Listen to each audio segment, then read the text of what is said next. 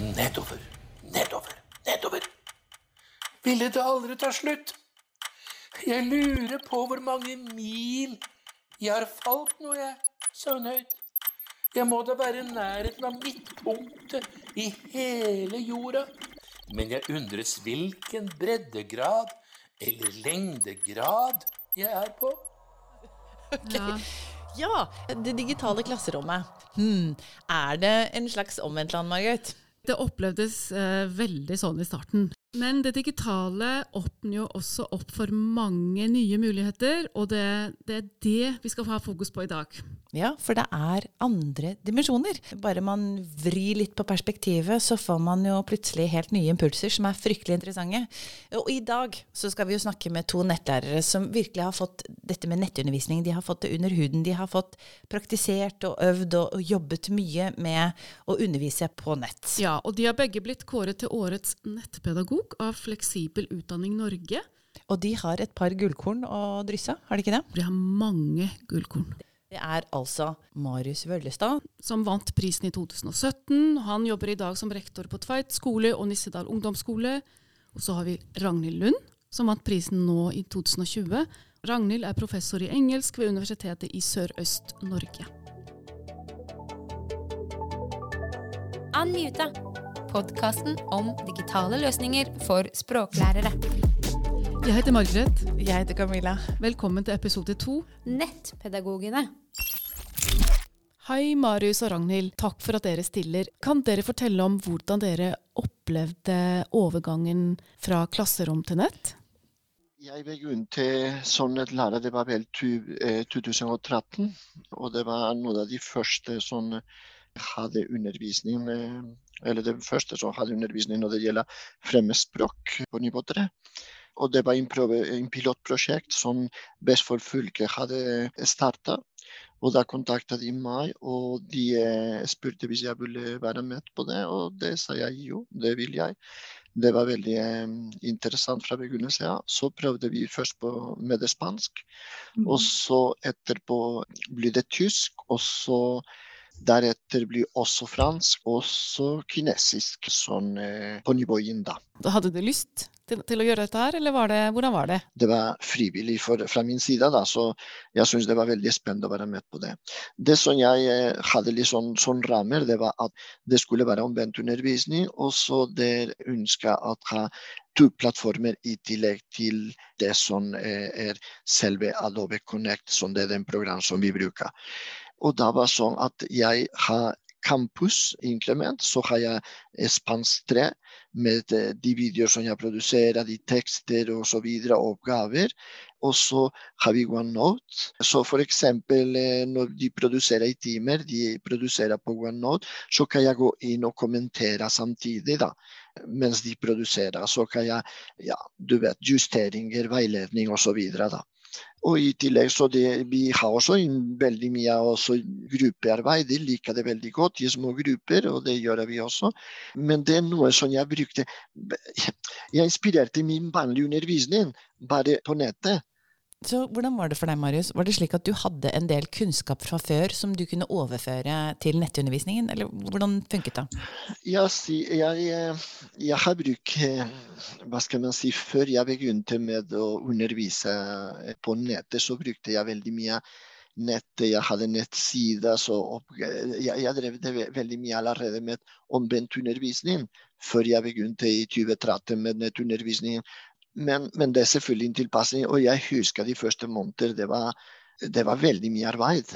Det var jo det. Så det krever veldig mye i begynnelse. Det gjør det. Og så etterpå, det er en rutine. Det, det er ikke så forskjellig å undervise på, på nettet enn å være i klasserommet for meg. altså. Hva med deg, Ragnhild? Ja, jeg ramla inn i det her litt uforvarende. Jeg har jobba som engelsklærer i høyere utdanning i mange tiår. Og da har det jo vært basert på at studentene er i klasserommet. I mange år holdt jeg på med etter- og videreutdanning av lærere, og da var det en kombinasjon av nett og samlinger, men da var det alltid samlinger. Et par dager i slengen. Da kom de fra fjern og nær og var hos oss, og da fikk vi ja, prata masse engelsk og prøvde ut aktiviteter, prinsipper som vi ønsket at de skulle bruke videre i sine respektive klasserom. Men så for fire år siden så påla Utdanningsdirektoratet oss nærmest å utvikle et helt nettbasert emne for lærere. Og det handler jo om denne reformen som er slik at for å kunne undervise i engelsk på trinn 1 7, så må du ha 30 studiepoeng, og 5 10 så må du ha 60 studiepoeng. Og det er det jo veldig mange lærere som ikke har. Får, skaffer de seg ikke disse studiepoengene, så kan de jo risikere å miste jobben. Så som sagt, vi hadde tilbud for denne gruppen i mange år, men eh, Utdanningsdirektoratet eller myndighetene skjønte vel at det gikk ikke fort nok. så da var det snakk om å skalere opp og gjøre det bare nettbasert. Eh, og, og hva syntes du om å bli pålagt å flytte undervisningen på nett? Jeg, jeg ble sur da dette ble, da dette pålegget kom. Fordi jeg hadde trivdes veldig godt med å ha studentene både i klasserommet, de vanlige studentene, og disse lærerne på videre- og etterutdanningskurs på samlinger. Og jeg ante ikke hvordan et sånt helt nettbasert emne skulle kunne legges opp. Så jeg ble helt satt ut. Jeg tenkte dette er jeg for gammel til. Men uh, Heldigvis så, så, gikk dagene, og jeg fikk roa meg litt. Og jeg fikk kontakt med en enhet på universitetet vårt som heter Enhet for digitalisering og utdanningskvalitet. I hvert fall heter den det nå. Og eh, det er vel dette Notodden-miljøet. De har holdt på med nettbasert undervisning i mange år, og de har opparbeida seg veldig kompetanse. Og de sa vi skal hjelpe deg gjør sånn og sånn. Og det første de sa, og det de sa veldig ofte, var planlegg godt. Tenk på alle eventualiteter. Gjør det så klart og tydelig og forutsigbart som mulig. Det vil spare deg så mye eh, stress og surr i etterkant. Og det var jo igjen fordi vi allerede da hadde hundrevis av studenter. Så var jeg fortsatt aleine om innholdet. Jeg har jo undervist engelsk i lærerutdanninga i alle år, så jeg burde jo kunne det. Men det var et eller annet med ah, åssen skal man lage en film? Jo, sa EDU, den skal være på maks 20-25 minutter. Ja, ok, det er et godt tips. Men det var jo innmari mye som måtte gjøres. Så heldigvis etter hvert så fikk jeg med to veldig gode kolleger. Det tror jeg har vært helt alfa og omega. At eh, det var masse, masse, masse filmer som skulle lages. Hvordan, hvordan rigger vi dette sånn at det blir en progresjon, og sånn at alle ting blir med. At det blir variasjon, at det blir spiselig for film. ikke sant? Ja. Det, er, det, er jo utrolig fint med nett at du kan legge ut masse ressurser. Det er jo ikke sånn at studentene bare skal høre på en forelesning og så lese en tekstbok. Det er jo, du har jo, ja, Særlig når man underviser engelsk, det er så mange ressurser der ute. Men du kan jo ikke bare pøse dem øh, fulle med det heller. Det må jo tilrettelegges og argumenteres for og begrunnes osv. Men iallfall, vi var da tre fag lærere etter hvert som samarbeidet om dette. Og vi utfylte hverandre, og vi var like nye og uerfarne og usikre. Men vi, vi, det var kanskje fint òg, for da så vi fallgruver litt før vi ramla i dem. og så har vi hatt en utrolig god tone oss imellom. Hvis det er en som begår en tabbe, så er de andre på pletten og hjelper til. Så vi tre har vært helt dream team, og det tror jeg har vært veldig avgjørende for at vi har fått det emnet som nå faktisk er det er der. ikke sant? Nå har vi laget masse materiell, vi har laget strukturer og ting som er der. Så nå er det jo i stor grad mulig å ja, ikke akkurat snu bunken, men å benytte ting vi allerede har utviklet. Men når det er sagt, som Marius sa, fy søren så mye arbeid det var i begynnelsen. Altså Det første året jeg trodde vi skulle tørne. Vi jobba døgnet rundt alle tre. Ikke bare med å rigge kurs og lage kurs og lage filmene, og da hadde vi jo ikke alt klart. Da måtte vi lage etter hvert som vi holdt på. Men så skal jo språkstudenter de skal jo produsere tekster sjøl, og så skal de få tilbakemelding.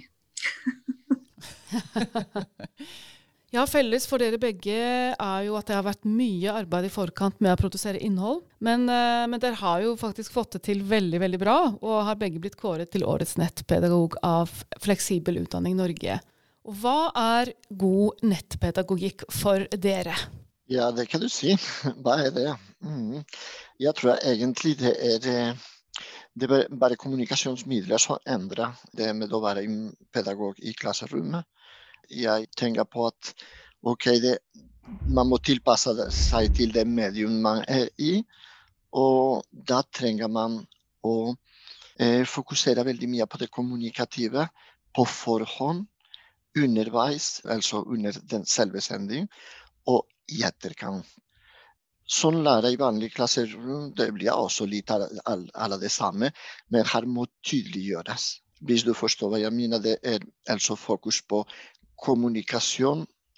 Fordi hvis den svikter, så kan timen også skjære seg. Den, den digitale timen. Så jeg er veldig opptatt av å sende all plan, nøye plan på hva vi skal gjennomføre i løpet av timen. På forhånd, gå til forhånd.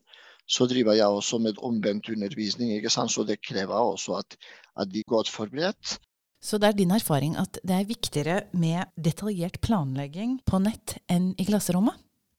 Det, det, du må ha alt på plass. Jeg har alle sekvenser alle sekvenser som jeg driver med. Vi bruker Adobe Connect, så det lar seg å plassere alle sekvenser etter hverandre. Og gjerne ha litt for mye enn for lite, for i tilfelle at det er mulighet.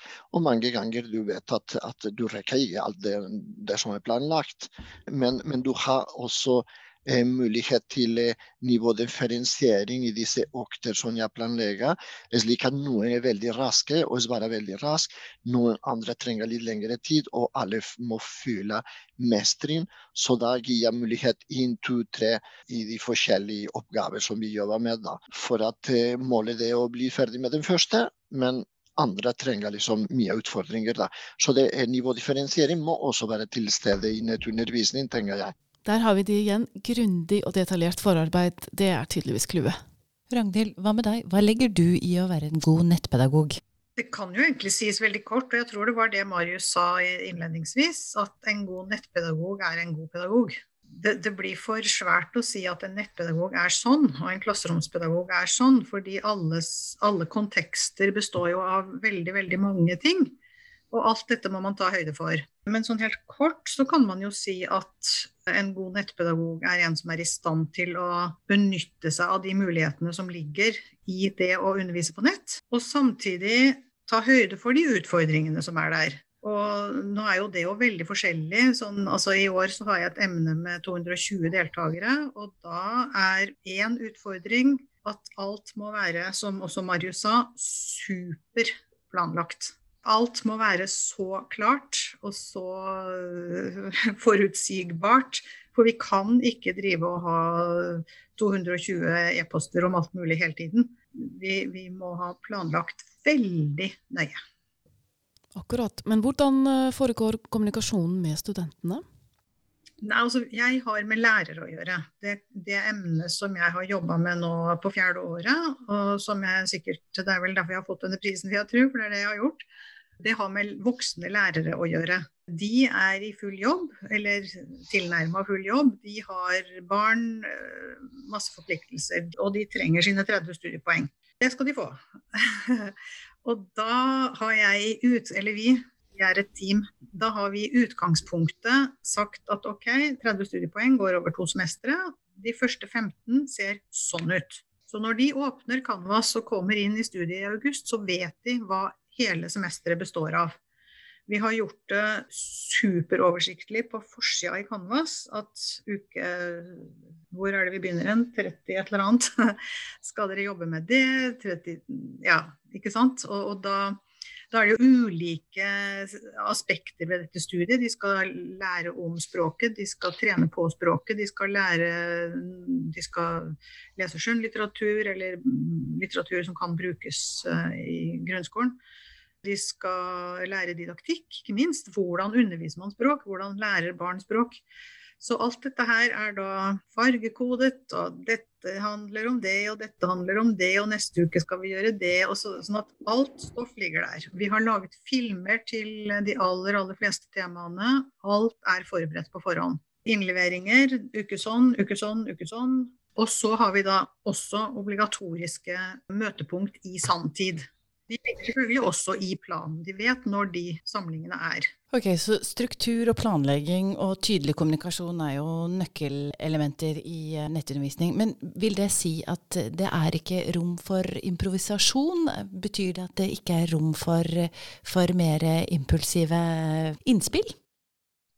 Altså jeg, jeg, vil ikke påstå at det er viktig i all nettundervisning. Hvis du har en liten gruppe og du skal møte dem hver mandag og onsdag et semester, så kan du jo se litt hva som skjer. Og så kan jo, det kan jo bli et mye mer dynamisk og fint eh, emne på den, et kurs.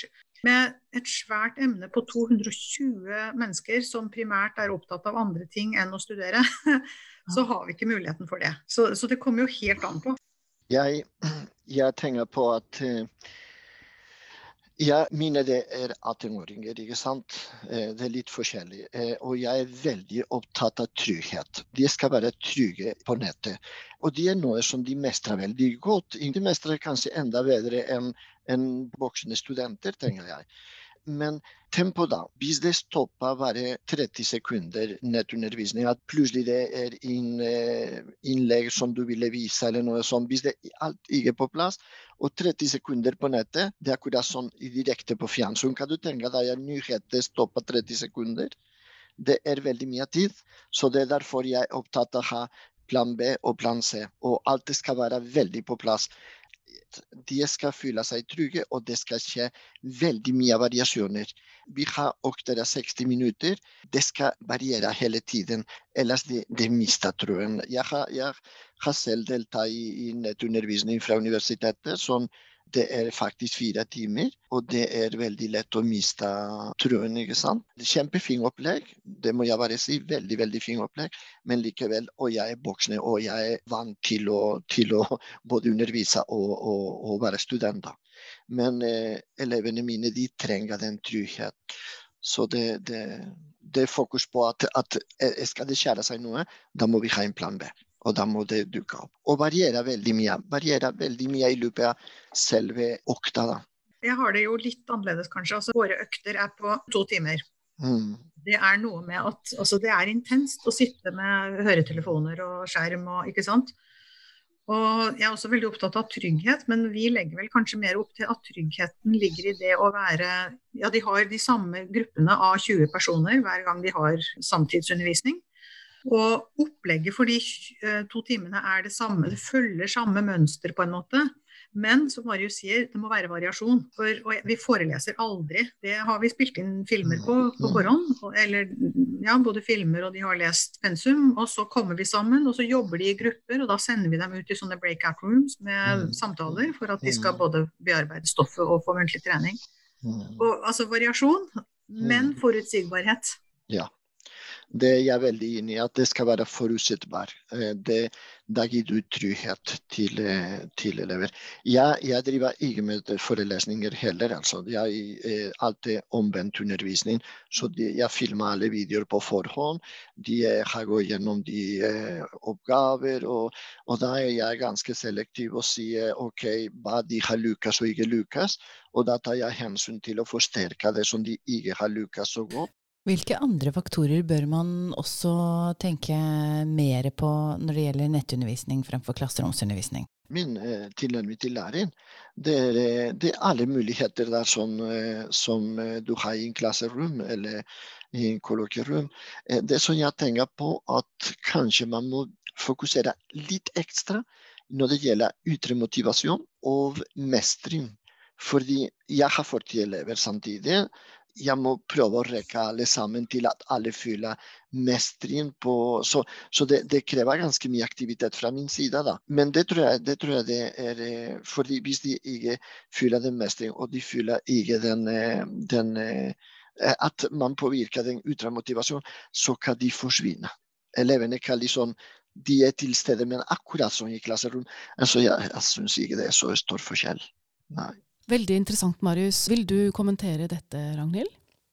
Ja, nei, jeg tenker også det med mestring. altså igjen, For mine studenter så de er jo en spesiell situasjon fordi de trenger disse 30 studiepoengene. Mm. Så det, det, er jo verst for dem hvis de ikke følger med og følger opp.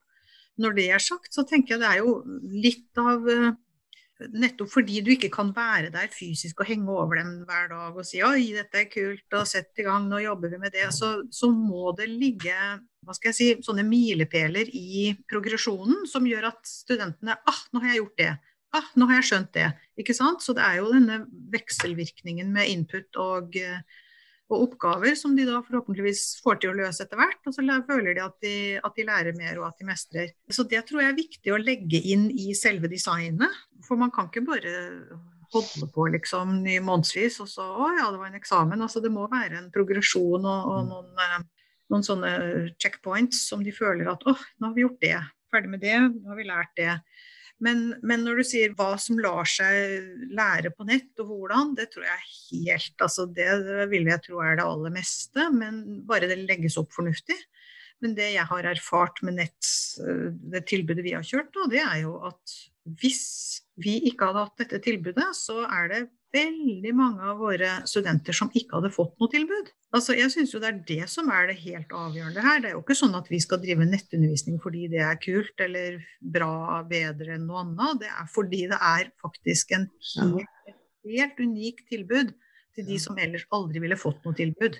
Det, men, men, igjen så blir jo det kult, da. For det, når jeg har undervisning, så er det en som sitter og har jobb på den norske skolen i Italia, og en i Spania, og en sitter på Svalbard. og Altså, de er jo overalt. Det er en mm. alenemor på en bitte liten bygd ytterst på Finnmarkskysten. Det, altså, disse folka hadde ikke hatt tilgang mm. til den typen uh, opplæring hvis det ikke hadde vært på nett. Ja, nettundervisningen åpner jo opp for at mange flere kan ta utdanning, særlig i voksen alder. Men hvis vi bare holder oss nå til nettundervisningen, litt sånn eh, teknikk og tilnærming.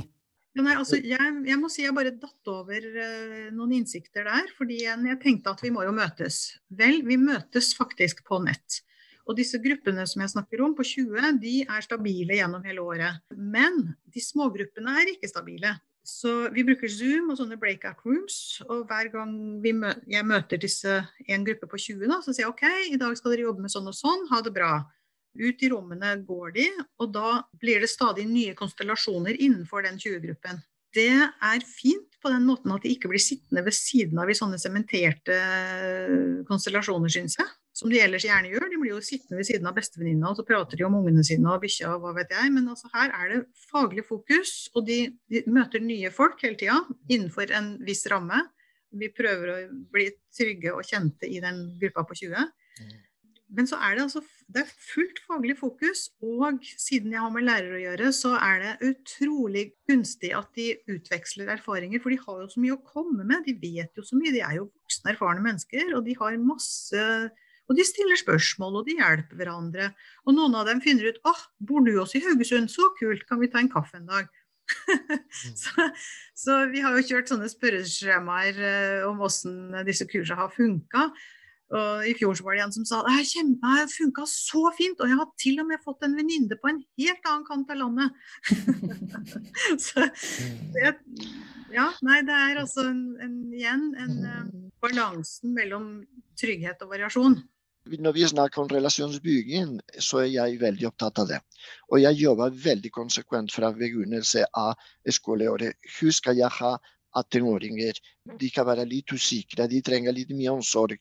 Det, det, er litt forskjellige studenter.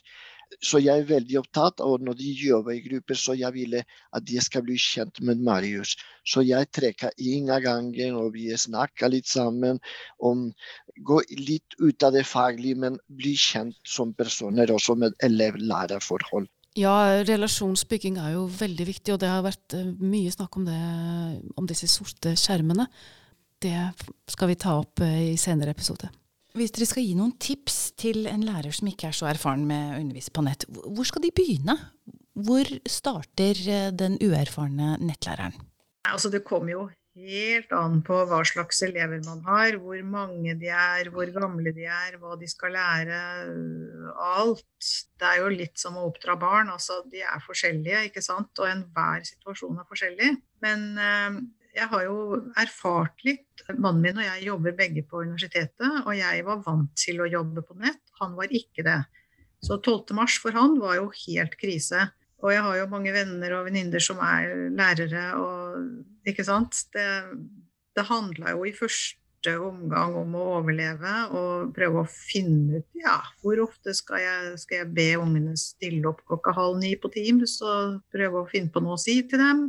Skal jeg prøve å lage en film? Skal jeg prøve å lage til en lenke med noe de kan jobbe med? Altså, det, det, det blir jo nokså kaotisk og kritisk. Jeg husker mannen min sa 'screencast-o-matic', hva er det?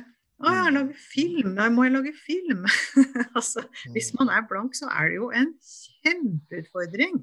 Så det man kan håpe på, det er jo at nå etter hvert så har de fleste funnet ut litt ut av det, sånn at de har fått litt hodet over vannet. Og da igjen, som både Marius og jeg har sagt tidligere, da handler det faktisk om å bruke god tid på å planlegge og tenke gjennom ting. Disse elevene, hvem de nå er, skal lære et eller annet. Hva skal de lære? Hvordan kan de best lære det? På nett. Det er jo masse forskjellige måter. Er masse muligheter. Men man må faktisk ha tid og krefter og overskudd til å gjøre den jobben. Altså akkurat hvordan den skal gjøres, det er det jo ørten svar på. Det er en kjempejobb.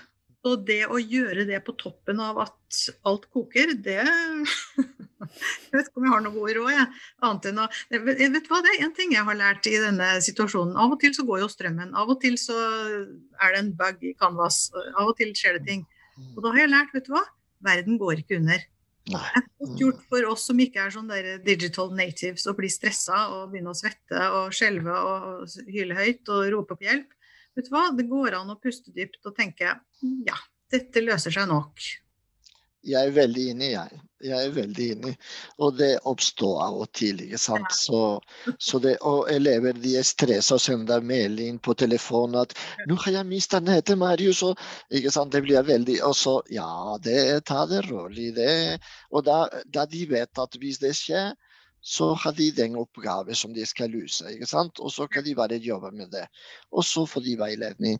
Men jeg tenker på også den tilnærmingen at uh, jeg i klasserommet jeg har for mange år siden gått vekk fra den derre læra som, uh, som begrepet til veileder. Altså det, det, jeg driver ikke med det, og jeg har ikke vært sånn at jeg vil kunne prate og ikke slutte. Det, det gjør jeg ikke. Det, er de elever som vi skal gjøre.